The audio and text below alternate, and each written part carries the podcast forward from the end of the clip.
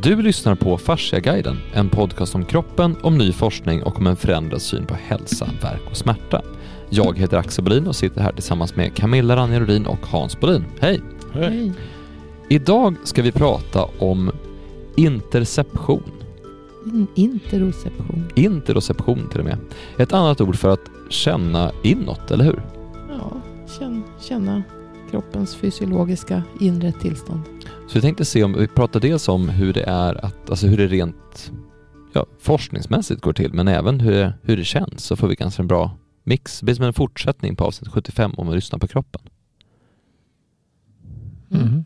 Men Camilla, du, du sa att i, när vi pratade häromdagen att det här vill jag prata om. Vad var det som var... Ja, nej, jag vet inte. var ett nytt ämne. Ja, nej, nej, det är inte nytt. Vi har ju pratat om det förut. Det var bara att jag lyssnade på ett webbinar. Men, men det, nej, att, att det är så viktigt att man... Eh, vi pratar ju ofta om eh, hur vi liksom påverkar proprioception och, Mm. så. Alltså de myeliniserade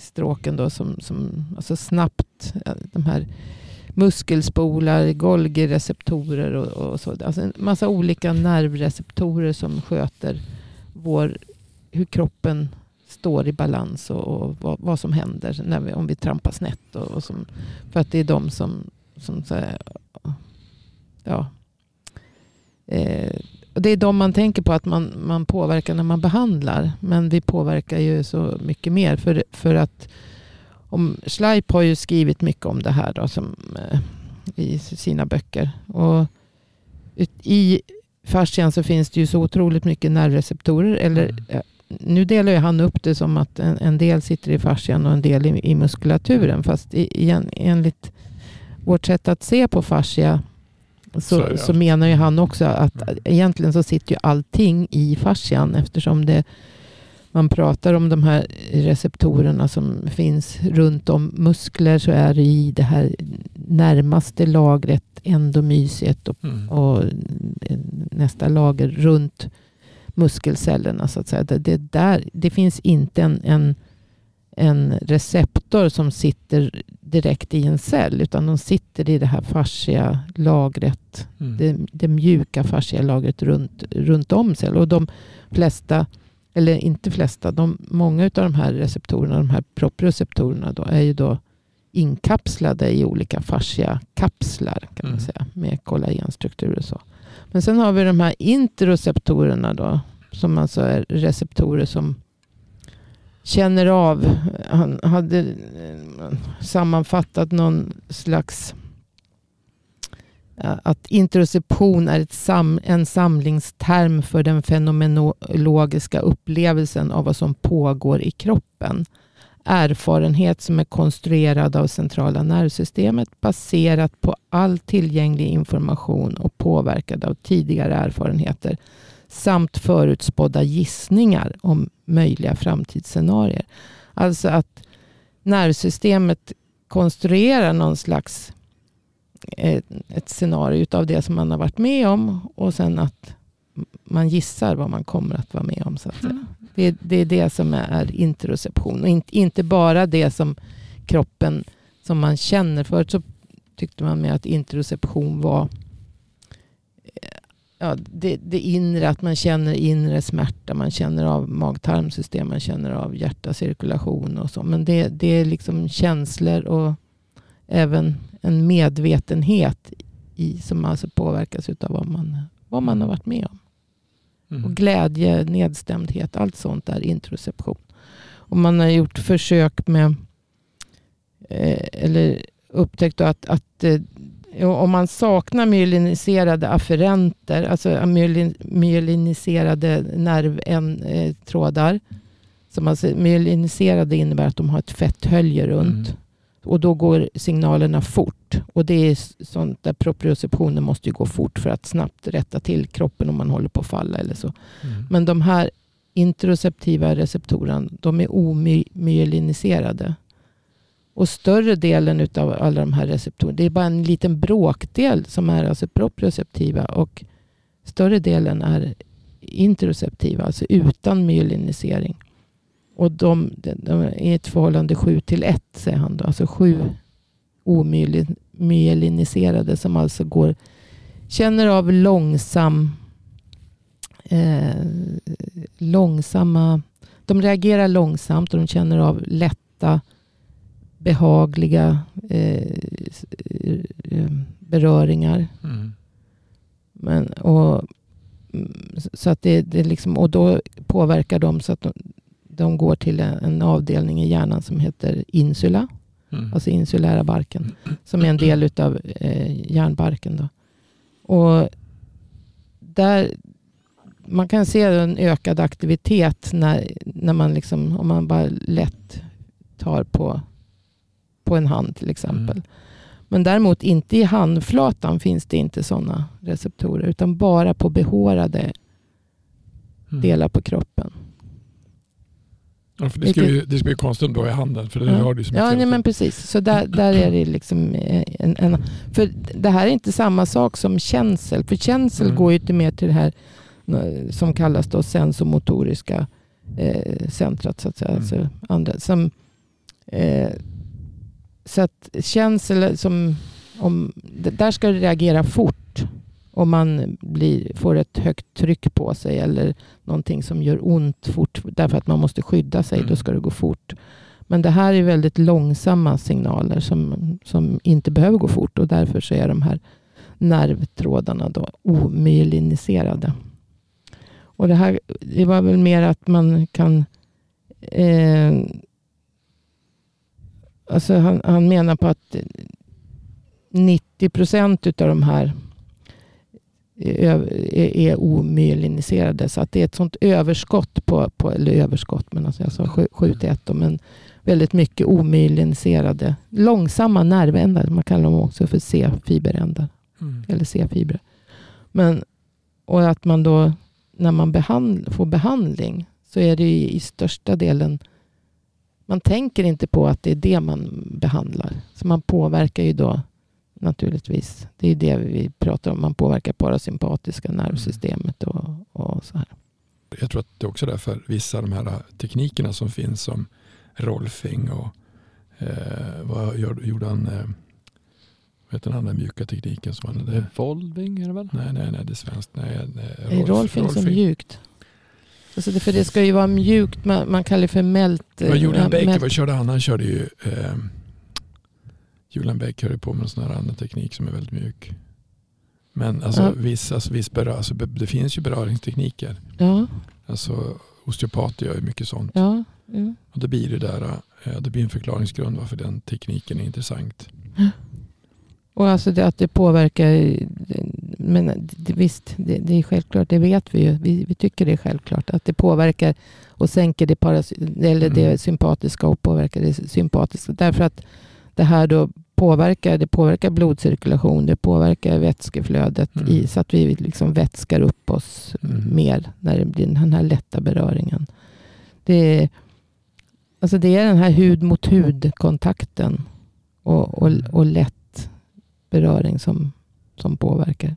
Och sen, för det, som var lite intressant var ju när eh, det är en kvinna i Brasilien som har gjort en, en sytt upp en, ett skynke, ett elastiskt skynke som hon kallar för fascia connector. Och som hon använder i sin behandling av folk. Så att hon, om man, det är ungefär lika, det är som en stor, stort badlakan fast det är elastiskt. Och så kan man då använda det och liksom linda in kroppen i det samtidigt som hon får folk att röra sig eller sina patienter att röra sig. Och utav det här då så får man, alltså det ger en, en trygghet. Mm. Den, här, den här omsvepningen utav det här elastiska skynket som inte gör att man är, man är inte låst. Alltså skulle det bli fastbunden så kanske det blir mer panikkänsla. Mm. Men det här är ju mer att det ger en trygghet och omfamn. Du kan röra dig men du får ett stöd i din rörelse. Så det är som en extra fasciastrumpa utanpå kroppen kan mm. man säga.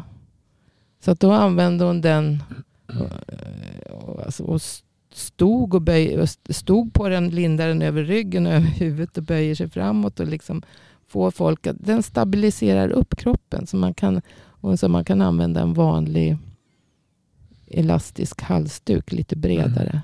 Alltså någonting sånt. Mm. Men just den här känslan av att man, man blir omlindad. Och det har ju med kramar och allt sånt också Mm. att göra. Mm. Alltså om det, så länge det är behagligt. Blir du kramad av fel person så kanske inte. Mm. Men det var så både vid, vid beröring men också det var också, det var så, vad sa han, dra, dra nytta av tidigare erfarenheter, komma i kontakt med vad man Alltså, redan har i ja, kroppen och hur- även hur- gissa sig till vad som ska hända. Ja, hjärnan gissar sig till vad som ska hända beroende på vad du har blivit utsatt för förut. Så därför får du olika känslor i.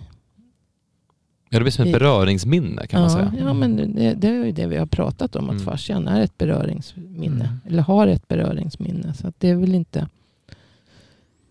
Eh, beroende på vad du har blivit utsatt för så, så får du ju liksom upp olika bilder i, i huvudet. Mm.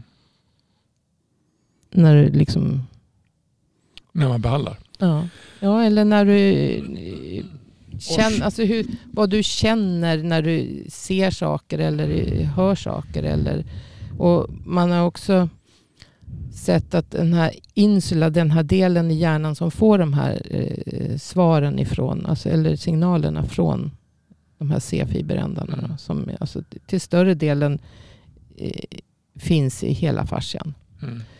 Eh, så det är många, många fler sådana än, än, eh, än vad, alltså miljontals. Mm. Någonstans läste jag fars, i, i Schleip på 100 miljoner. Men, men eh, sådana ändar, C-fiberändar. Men, men eh, eh, nu glömde jag bort vad det var jag Så skulle de ska man kunna säga, de är både när man pratar om minne, muskelminne så är det mer den typen av ändar som är med och hjälper till med att komma ihåg vad som har hänt. Ja, alltså det, det ligger ju nära till hands. Och, Mm. och att det är så. Mm. Det törs jag inte säga att det är, men, men för det har han inte pratat om. Men, men just att, att eh, för, för hjärnan, alltså de går till insula och man har sett att, att folk som mediterar eller, och liksom känner mycket och liksom går in i sig själva, alltså har eh, som är liksom en självmedvetenhet Mm. eller vad man ska Mm. säga. Eh, har en, en, ett, ett större område, eller en, en, ja, alltså ett tjockare insula. Mhm. För det här måste gå att träna upp. Ja. Och, det, och att man då använder, det är lite som det här med amygdala. Alltså att, att hjärnan ändrar är också plastisk. Alltså att, Mm. det, det, det vet vi. Men att den ändrar form efter hur vi så att säga, använder. Så att man liksom lär sig att, att känna efter. Men man måste ju verkligen... Vi har de, de eh, förutsättningarna för Mm. att liksom... Vi pratade lite ett annat tillfälle om just vilka, vilken kapacitet vi har som människor, alltså vilka andra typer av förmågor vi också skulle kunna utveckla och vilka, vilka man inte utvecklar när man kanske inte behöver det. Som det här med att i, i tidigare traditioner, där man haft väldigt mycket muntliga traditioner innan vi skrev ner saker, Mm. så lärde man sig att berätta extremt långa berättelser Mm. ordagrant. Och du kunde ju liksom berätta, alltså det var verkligen på ordet. Du kunde höra samma person berätta exakt samma person som en annan person. Liksom, tänk att du läser upp hela bibeln Mm. fast du läser upp den ord för ord. Mm. Men sen när vi takt med att börja skriva ner saker så behöver vi inte komma ihåg det på samma sätt längre. Men titta med telefonnummer. Hur många telefoner kan du idag? Ja. Nästan inga. Jag, kan, jag, jag pratade med en kompis nu. Han, vad, har din son för telefonnummer? Jag har ingen aning. Jag kunde inte ens det. För nu har man ju böcker för sånt. Jag Telefon. minns att man kunde alla. Ja, jag kunde också alla. Nu säger man bara hej Siri, ring den här personen. Ja. Jag vill inte knappa in det längre. Men Nej, sen men- är det inte alla som upp, uppskattar den här, alltså den här uh, hud mot hud och kroppsliga kontakten. Men det, och det har ju förmodligen också med att göra. eller- Med vana. Mm. Ja, med vana, men vad man har eh, stött på tidigare så att säga. Och, alltså det finns ju, det är ju jätteviktigt med den här kontakten med, för små barn. För det eh, har han också skrivit om. en Undersökningar just i- i de första fyra, fem åren. Mm. Hur små barn inte får liksom kroppskontakt och alltså den, Det går inte så bra. Nej, Nej. Det just den här. Jag tror man kan, jag, jag tror man, alltså han, Alltså, Ors, Orsman säger det, han säger att det är egentligen det som det kroppsterapeuter egentligen har, den förmågan att, att lyssna på det här, att det Mm, kommer. mm. Jo, Och, för, och först tycker man ju att det är konstigt. Men jag lärde mig av en kille, så vi, vi, innan vi började med det här så höll på med man kan, man, kan fråga, man kan fråga kroppen var man ska sätta en nål, bara en nål. Och så sätter man den. Och så kan man se vad som kommer. mm. Och det där var ju rätt, det var ju så flummigt från början som man trodde inte var sant. Men eh, man kan alltså fråga kroppen vad kroppen vill ha ut. Och det där, jag vet inte, jag vet inte hur du gjorde Axel, men du lärde väl också där. Du kan ju se ungefär som du ser precis som episoder som kommer fram. Alltså precis som du du, eh, du, du kopplar upp det mot ett, ett informationssystem, precis som en dator. För kroppen är ju en dator. Mm. Det häftiga med det där det var att man kunde faktiskt se vad folk varit med om. Sen så, det, jag tyckte det var häftigt i kanske 50 stycken eller något sådär. Sen var det så jobbigt därför att då, du kan ju se, men det är inte så konstigt, kroppen har varit med om allting. Det är klart att kroppen vet vad som den har varit med om. Men kan vi träna på en förmåga att förstå vad kroppen har varit med om? Och det kan vi göra om vi, om vi förstår att det är så. Mm. Det är som någon som jag sa, jag sa det nu som han sa att vi kan inte emot, alltså jag, tror- jag tog ett som exempel idag att vi kan processera ungefär 2 till 3 tusen bits per sekund eller om det är 4 tusen bits per sekund. Men vi tar in 400 miljarder bits per sekund. Det är som vi sitter och spelar in det här nu så sen ska vi kunna sitta och höra på radion samtidigt. För det borde vi kunna göra. Alltså i det här rummet finns det ju radio. Alltså det finns flera hundra program vi kan få in.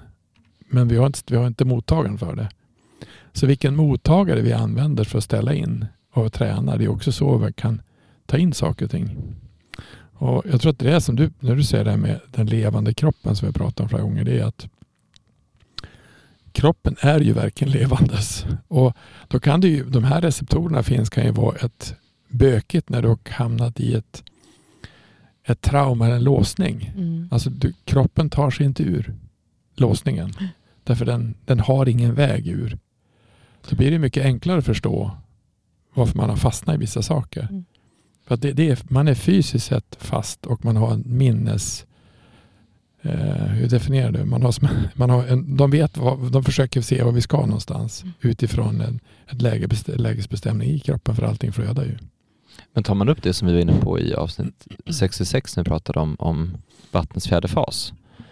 Då, jag minns att jag döpte det avsnittet till eh, kroppen kan lagra mer minne än den snabbaste superdatorn. Bara för att jag tyckte det var så häftigt just Mm. den, den grejen. Mm. Att man nu vet att, att laddningen i vattnets fjärde fas har så mycket mer kapacitet att lagra minne än kisel.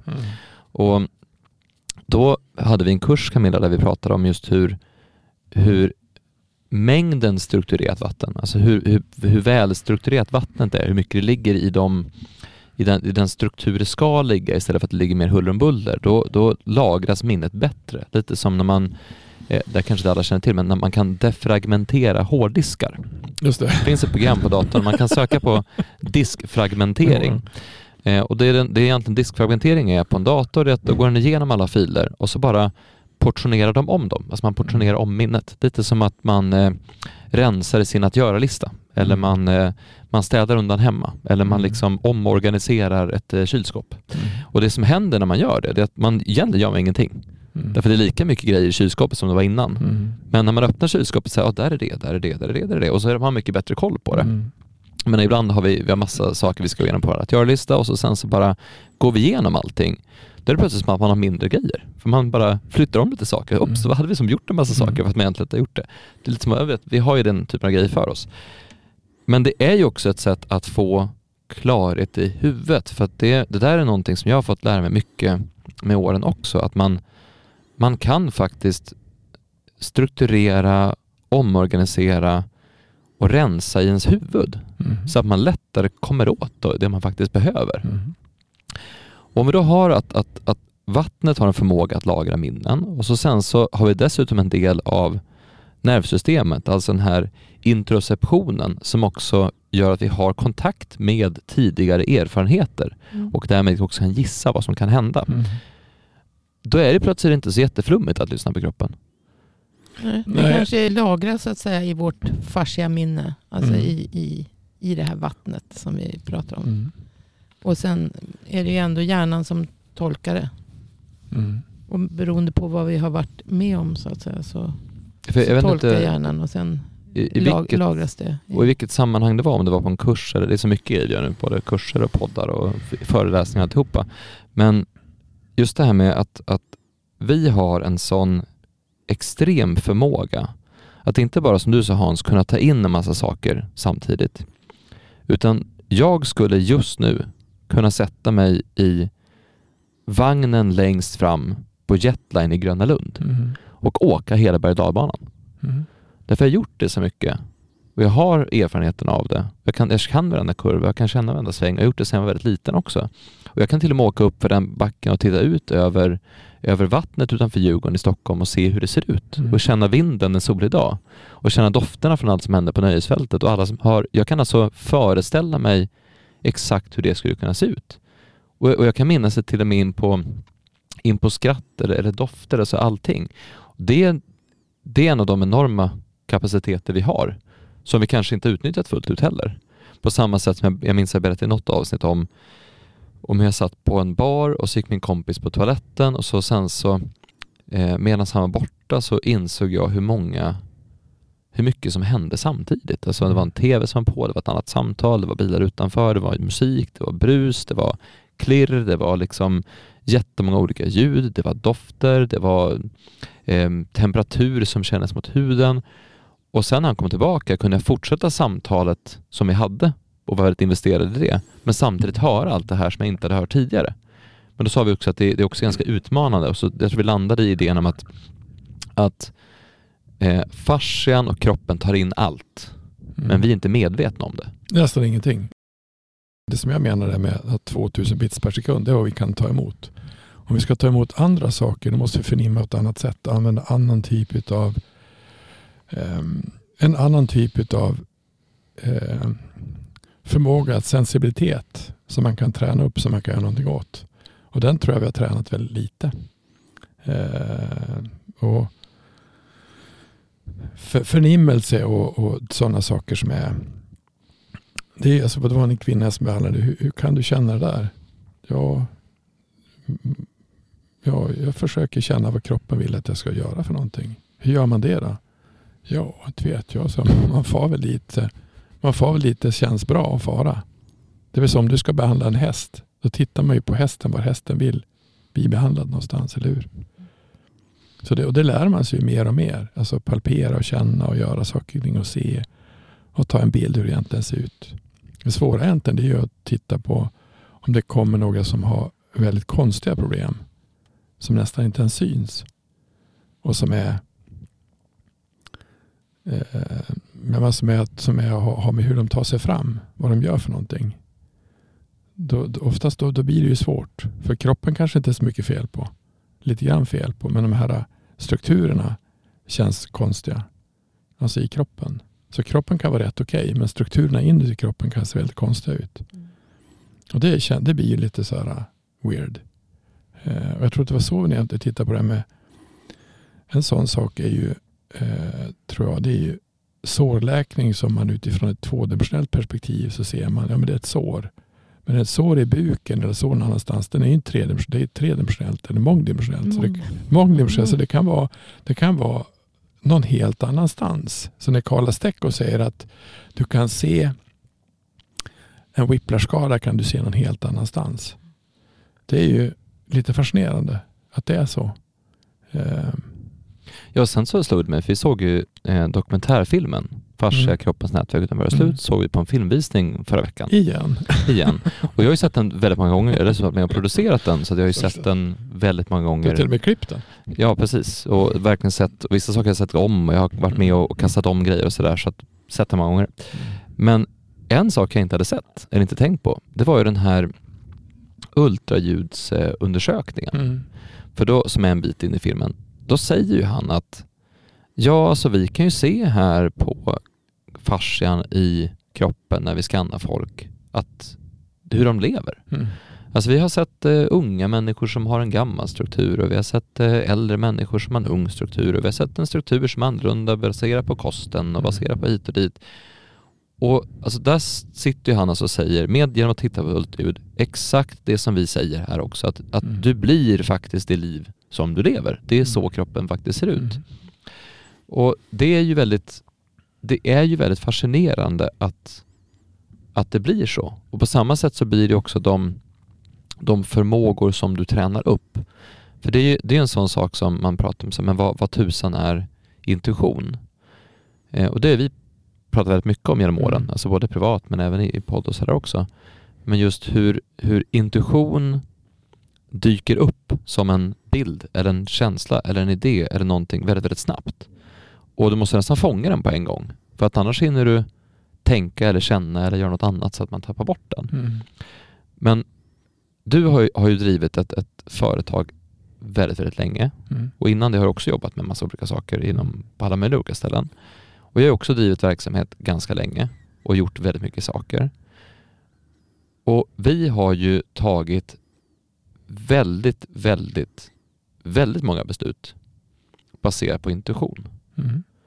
Ehm, och det gör ju att man tar beslut väldigt, väldigt snabbt. Men det, det var ju lite läskigt i början. Men det är inte lika läskigt nu.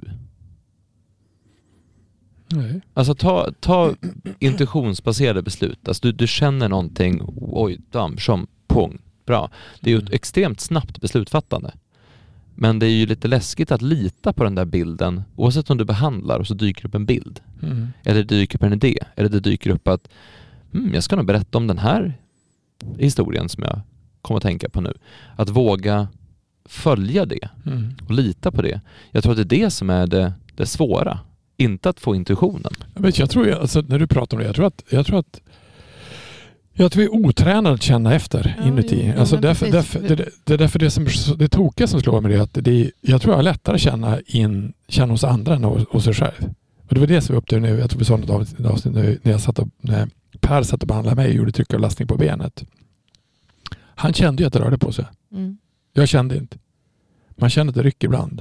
Men du känner inte hur mycket som händer i min kropp. Han kände mer vad som hände i min kropp än vad jag kände själv. Mm. Och då är frågan hur mycket, alltså hur mycket tränar vi att, att känna Nej, efter? vi, vi tränar inte, vi är ju så stressade så vi, Vi- vi, så- vi hinner Vi inte. hinner inte, vi hinner inte göra det. Alltså man måste ju sätta sig ner och verkligen känna. Känna efter. alltså man Ja. kan sitta ner och känna. Man kan känna sina egna hjärtslag. Ja. Alltså man kan, utan att man lägger handen Mm. på hjärtat. Man kan känna nästan hur, hur tarmarna rör sig. Och, och, alltså, intuition måste ju vara... Alltså det är också baserat på vad som har hänt dig. För, alltså vad, Ja, och så sen var ja, precis. Ja, men alltså vad som har hänt tidigare. Det finns ju lagrat någonstans. Så att din intuition måste ju så att säga på något sätt bygga på det också. Mm.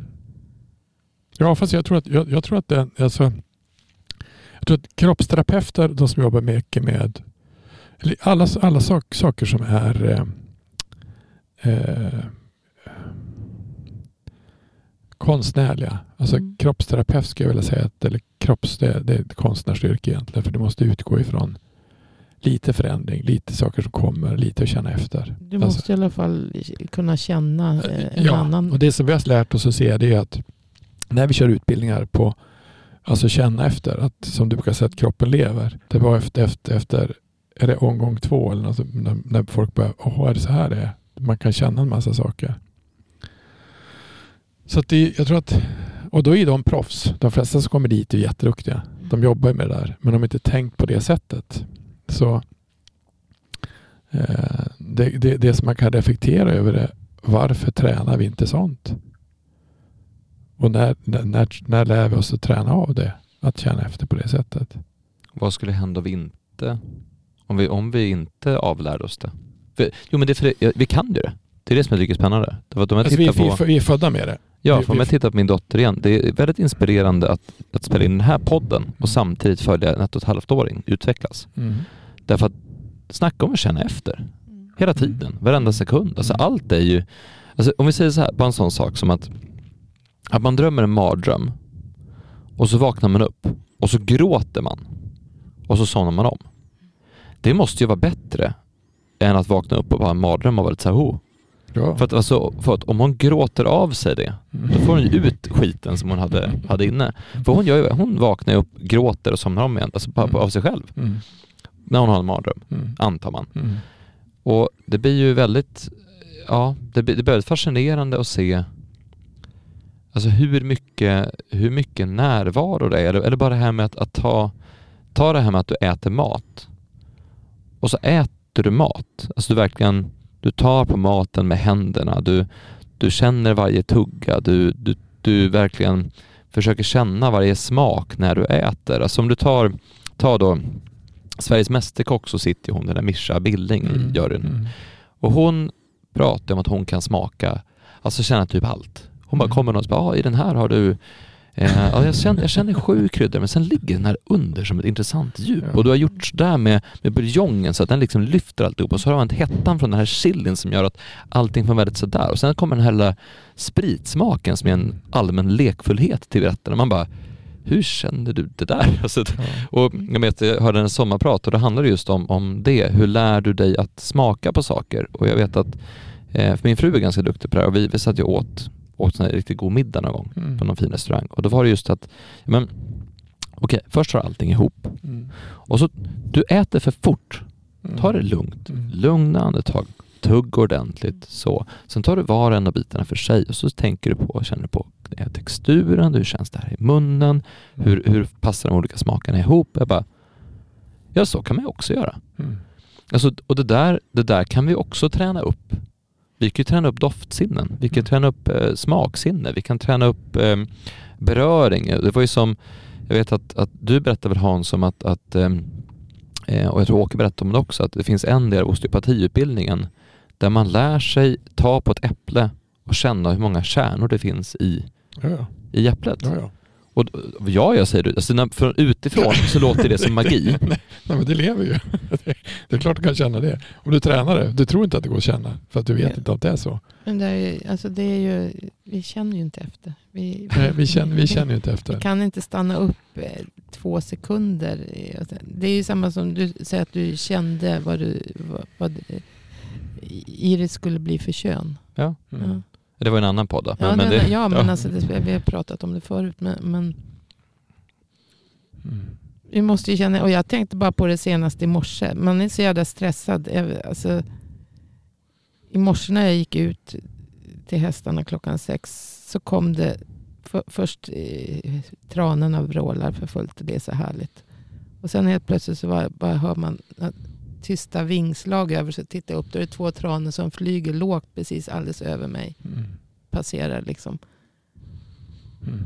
Och då, då är man ju liksom tvungen att bara stanna upp och, och ja, känna efter vad, vad härligt Mm. det är allting egentligen. Men, och sen, men man har ju inte tid. Nej. Utan man, man, man måste liksom skynda vidare. Ja, men alltså, jag, tror att, jag tror att det var, det var, en, var en, en, en kvinna som, någon som jag behandlade för ett tag sedan. Så hade det, det fanns som två saker som var, som var alltså, det finns alltid två sidor man är bra på. Antingen är man bra på att vara, skulle säga att om jag är bra på att känna efter så är jag också bra på att vara kreativ. Eller hur? Den ena är ju, eller jag kan vara massa andra olika saker om som finns. Men vilken, vilken utav de här gå- begåvningarna tar jag? Att känna efter och vara kreativ. Vilken blir jag belönad för? Vilken väljer jag att ta? Ja, kreativ, då kan man ju vara rolig. Mm. Eller hur? Då kan man få folk att skratta. Så, men om jag sitter och känner efter blir man ju en kuf. det, blir, det, blir helt, det, blir, det blir helt skumt. Alltså, jag gick i trean så ska jag sitta och känna efter det.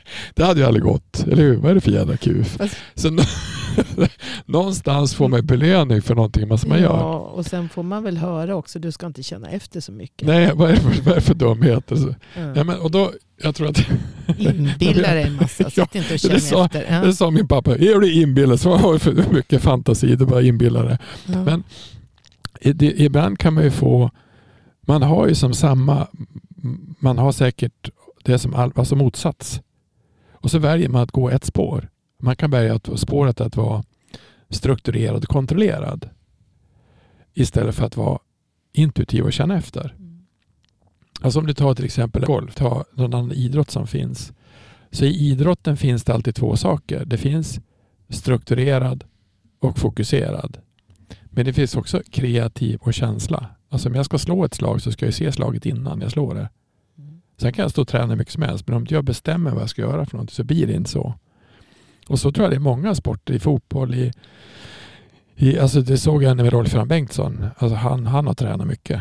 Men när han sätter igång, när han bara släpper hästen. Alltså bara, det ser ut som en, han ser, nästan ut som en trana när han sitter och joddrar iväg. Alltså han, han sitter helt löst. Och, och, det är svårt att sitta så avslappnat som han gör och så hoppa 1,60. Och så bara off, och så hoppar han upp. Och så han flyger som är. Men han, han menar att det, det, det är den här förmågan att åka med och sitta och vara ett med hästen som gör som är det här intuitiva. Alltså vad ska man göra? Så att, varför gjorde du sådär? Var, varför, varför vände du när han vann, eh, när han vann i, i eh, med Clarimo? Varför gjorde du sådär? Vad var du tvungen? Det var en skylt som han var rädd för. Så jag såg att han, han tittade mot skylten så jag vek av fort som sjutton. Så han hade nästan inte på att ta sig över sista hindret för det var så kort. Och det var inte för att tjäna tid, det var för att han såg att hästen bara tittade på någon sån där klocka så det blir farligt. Men det är, det, det är inte, det är inte någonting, det är inte någonting han, det har han ju tränat på, men han, han litar ju på, nu gör jag så här. Mm. Jag tar bort ett språng, jag gör något annat. Går det? Och, vi får hoppas att det går. För det är lite så de gör. Mm. Så jag tror man kan träna, alltså det, vad, är, vad, är det ena vad är det ena och det andra? Och jag tror att vi är mera benägna att fokusera på det där äh, monotona, mm. samma sak. Men i intuitionen och i det här inre monolog, alltså inre lyssnandet, så är det ju alltid intressant egentligen. Det är alltid nya celler som är där. Vad vill du göra nu? Vad håller du på med? Eller hur? Det är aldrig samma visa. Det är alltid nytt. Men det, det, kräver också en annan tillit. Jag tror det är det som är problematiken också. För att ju mer jag har lärt mig för, dels förstå kroppen men framförallt att lyssna på kroppen, desto mer tillit har jag fått till att det kommer lösa sig. För att det är kroppen som löser det. Alltså det, det är en annan... Alltså kroppen är ju så fantastisk. Så den hittar ju alltid en lösning ändå. Mm. Det spelar ingen roll hur, hur, vad du har råkat ut för så hittar kroppen alltid ett sätt att, att överleva och fungera i alla fall. Och, men då måste man lita på att det faktiskt går. För det, det, alltså när, när det kommer till just intuitionen så, så dyker upp en bild eller, eller en tanke, en idé eller någonting, eller man får ett beslut, ska, ta, ska jag välja höger eller vänster? Höger vart det nu och så sen mm. så får man ta det väldigt fort och då får man mm. lita på att det varit rätt väg. Men jag tror problemet är att man, man har också lärt sig, på samma sätt som man lärt sig att inte känna efter, så har man lärt sig att man inte får göra fel. Mm. Och om du, om du aldrig gör fel, då är det mycket, mycket svårare att lära sig saker, för det, det är av misstag du lär dig. Så, och det var så kul, för jag vet, det har vi säkert pratat om förut också, men, men du har en helt fantastisk, du har en helt fantastisk förmåga. Mm. Eh, det är ju att du hittar alltid ett sätt som även ett misstag var en bra lärdom. Mm. Och jag har också fått med mig den lite grann. Så jag hittar alltid ett sätt att vända någonting som har varit negativt till någonting positivt. För det, man kan hitta en positiv lärdom i det, man kan hitta en positiv känsla eller tanke i det. Och ju mer man, man gör så, desto, desto roligare blir det. Mm. Alltså desto lättare blir det att vända nederlag till, och, det, och jag lovar dig, jag har, jag har ju lärt, jag har läst och följt jättemånga framgångsrika entreprenörer. Och det är alltid så att man gör tusen misstag innan man hittar rätt väg. Mm. Och, och, varje gång du, du gör det, alltså varje gång du får de här missarna, då behöver du utveckla och bli bättre. Det bara ett sånt, man kan bara säga så här, den här podcasten hade inte funnits om vi lyckades på en gång. Utan vi var ju tvungna att kämpa i tio år först innan vi kom på att det var det här vi skulle göra. Men när vi väl har gjort den så får det en annan typ av spridning, en annan typ av fart och det finns ju, en, eh, det finns ju någonting häftigt i att vi ändå har spelat in, vad blir det här, 106 avsnittet mm. på ett och samma ämne. Fascia och Camilla bara, ska vi sluta snart? Nej, vi gör 100 till. det, det vet de, vad, vad, kallas den tekniken? Unwinding. Ja, just det. Mm. Den är ju, eh, den, den, den ska ni kanske inte lyckas på allihopa, men det är ganska intressant när man gör det, för det kan man göra nästan hur som helst. Men det måste ju vara ett sätt för de här receptorerna att komma ur. Du måste berätta vad det är också. Alltså det man kan göra egentligen, jag hade en... en, en, en Ja, men alltså det är inte så Man kan väl tänka sig att, de här receptorerna sitter ju i flödet. Ja, men du måste Ja. berätta vad unbinding Jo, är. alltså, Ja, alltså, ja. unbinding, det, alltså jag hade en, en, en jag har gjort, alltså man kan ju, an, an, alltså egentligen skulle man kunna säga att, att um, tryckavlastning på benen är en typ av unbinding. Fast det är lite Men långsammare. Tänk som att du trasslar ut kollagen. Ett, Ja, och ett då gör man det. Egentligen kan man, göra, man kan göra det på alla möjliga saker och ting. Man kan göra det på, man kan göra det på axlar, man kan göra det på ben, man kan göra det på, man kan göra det på bröstkorg. Axlar, skulderblad. Så det man egentligen gör är att man, man, man gör det på, jag gjorde det på Kanarierna, det var en kille som hade, han var sned. Alltså sned i överkroppen, axlarna var sned. Och så sen komprimerade jag bröstkorgen och så väntade jag till kroppen börjar röra på sig. Sen rör den på sig åt något håll. Ur det problemet som finns. Först in i problemet, sen ur problemet, sen in i problemet, så ur problemet. Så efter tre minuter var han helt rak. Och det här låter ju eh, lite märkligt, men då måste det, det här måste ju vara ett sätt för kroppen att komma ur en struktur, som ett flöde som den är fast i. Mm. Eller hur? Mm. Jo, men det, var väl lite därför jag ville prata om de där receptorerna. Som, alltså eftersom de är så många, så många, många, många, otroligt många fler än de här proprioceptorerna Mm. som vi hela tiden pratar om. Så Mm. att, säga, och, och som vi hela tiden tänker på, de här snabba, som, eh, där signalerna går väldigt fort. Och det här är, men de här, de här ligger ju alltså i, i fascian, i fasciaflödet, i, överallt i, i kroppen och i buken i det här viscerala utrymmet i, i det flödet. Mm. Och om, om då flödet utav någon, något för högt tryck någonstans eh, har stoppat upp så är det klart att då blir de här receptorerna inte heller mottagliga. Och med tanke på all stress och så vi utsätts för och allt, allt fel vi gör och hur snedbelastade vi är på så, så fungerar ju inte flödet och då fungerar inte de här känslorna heller. så att Mm. säga. Det, det är klart att det, de går långsamt innan. De går ännu långsammare eller inte alls då, Mm. om det inte finns ett, ett flöde som fungerar. Så det Så blir, att det- flöde, det blir flödet också. Det blir lättare att förklara flödet som eh, känslor också. För något som är Ja, otäckt, ja, något som är ja, otäckt att göra. ja. För det var, om, du, om jag hade var någon som du som hade, det hade varit med om en smäll och så fort man, alltså smällen satt fast och den kom inte ur det. Alltså den högra sidan kom inte ur det. Mm. Till vi började snurra den. Och då kom den ur det. Alltså, man, Alltså ra- Ja. där självröraren. Så först behandlar vi men sen börjar. Och så sen så. Ja men det är lite som att kroppen minns. Alltså Ja. för det, om, alltså min, om minnet då sitter dels i, i vätskan men också i de här eh, eh, receptorerna. Och så sen så, för det, jag brukar få göra den där ombindning på, på armar. Mm. Alltså då, då kan det vara att man börjar med att hålla i en, i en handled och en, en armbågsled. Mm. Liksom så. Och så sen så, så håll, man håller, det är egentligen man håller som ett stöd. Det är svårt att förklara något som man Ja, gör fysiskt, ja. men man håller som ett stöd och så sen så åker kroppen åt något håll. Alltså att armen börjar röra sig. Mm. Och så följer man med den rörelsen och det är som du säger, det går oftast inåt eller utåt först och sen går det åt andra hållet och sen så följer det med upp till axeln och sen är det nästan som att man drar armen utåt så att den blir längre. Ja, sen börjar den snurra på så Ja, och det är, det är någonstans som att kroppen återupplever den här långsamma snedställningen baklänges.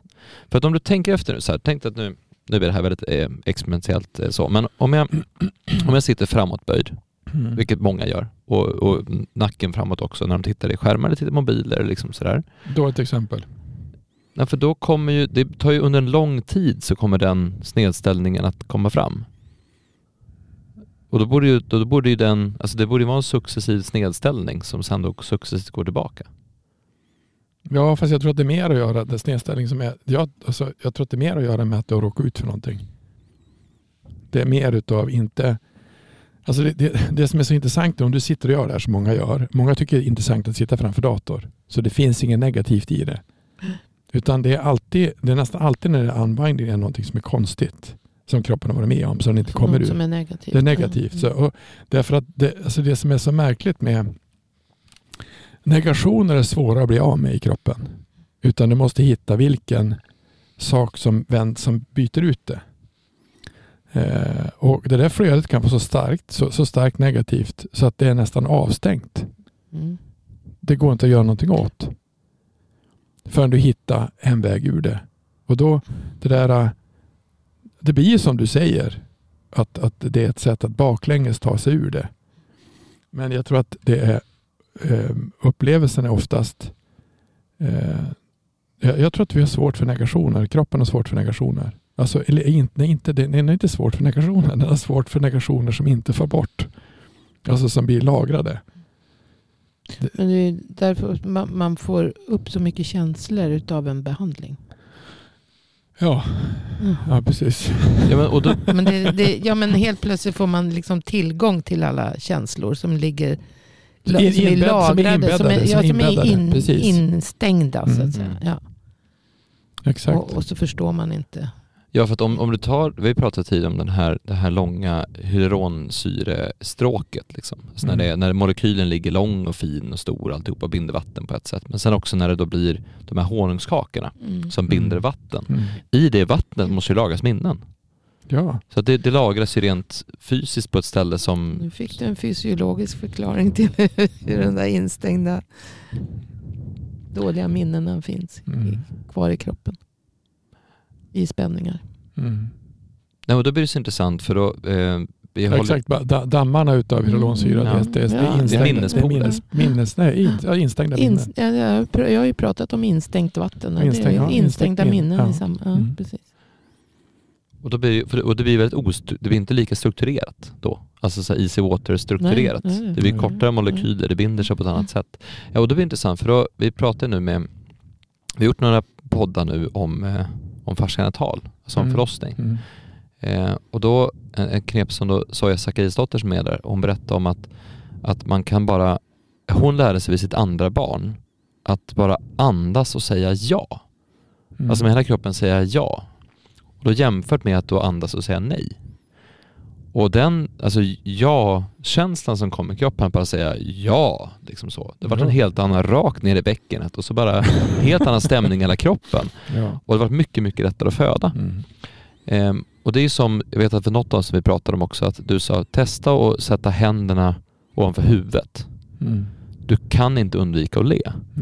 Eller som vi var med på en träff, att det var någon som satte på en extremt rolig film när folk skrattade. Mm. Och så började folk skratta Åt skrattet. åt skrattet. Mm. Och sen började han som satte på filmen och skrattade, skrattade nästan roligast av allihopa. Mm. Så då satt alla och skrattade åt honom. Mm. Eller med honom eller vad man ska säga. Och just det här med, det är ungefär som när man är på stand-up och alla skrattar. Då skrattar man ju mer själv för att man kommer Mm. in i den, den stämningen. Så det finns en annan det finns en annan aspekt vad det, vad det gör med en också. Mm. Alltså den här, de, de typen av känslor. Mm. Jo, och det, det för oss tillbaka till, för jag, vi, vi gjorde en, en inspelning faktiskt till en, till en ny kurs som vi håller på att ta fram om att lyssna på kroppen. Mm. Eh, och då konstaterar vi att en, en central sak att fundera på här är ju vad som får dig att känna dig levande. Mm. För det som får dig att känna dig levande, om det nu är att, att eh, spela golf eller om det är att föreläsa eller om det är att läsa på om kroppen eller om det är att eh, springa eller om det är vad det nu är som lyssna på musik eller, eller träffa människor eller vad som nu får dig att känna dig levande. Det, det gör gott för hela kroppen och det gör också lättare att lyssna på kroppen. Mm. Men jag tror att levande skulle vi egentligen säga, hur följer du din intuition? Mm. Alltså det som jag sa att man kan välja kreativ eller vara Mm. eh, inkännande. Mm. Och egentligen så har vi alltid fått lära oss att inte vara inkännande. Alltså egentligen det vi håller på med. Därför blir det intressant. Jag tror att jag skickade till dig om, om eh, hästars hjärtljud påverkar. påverkar.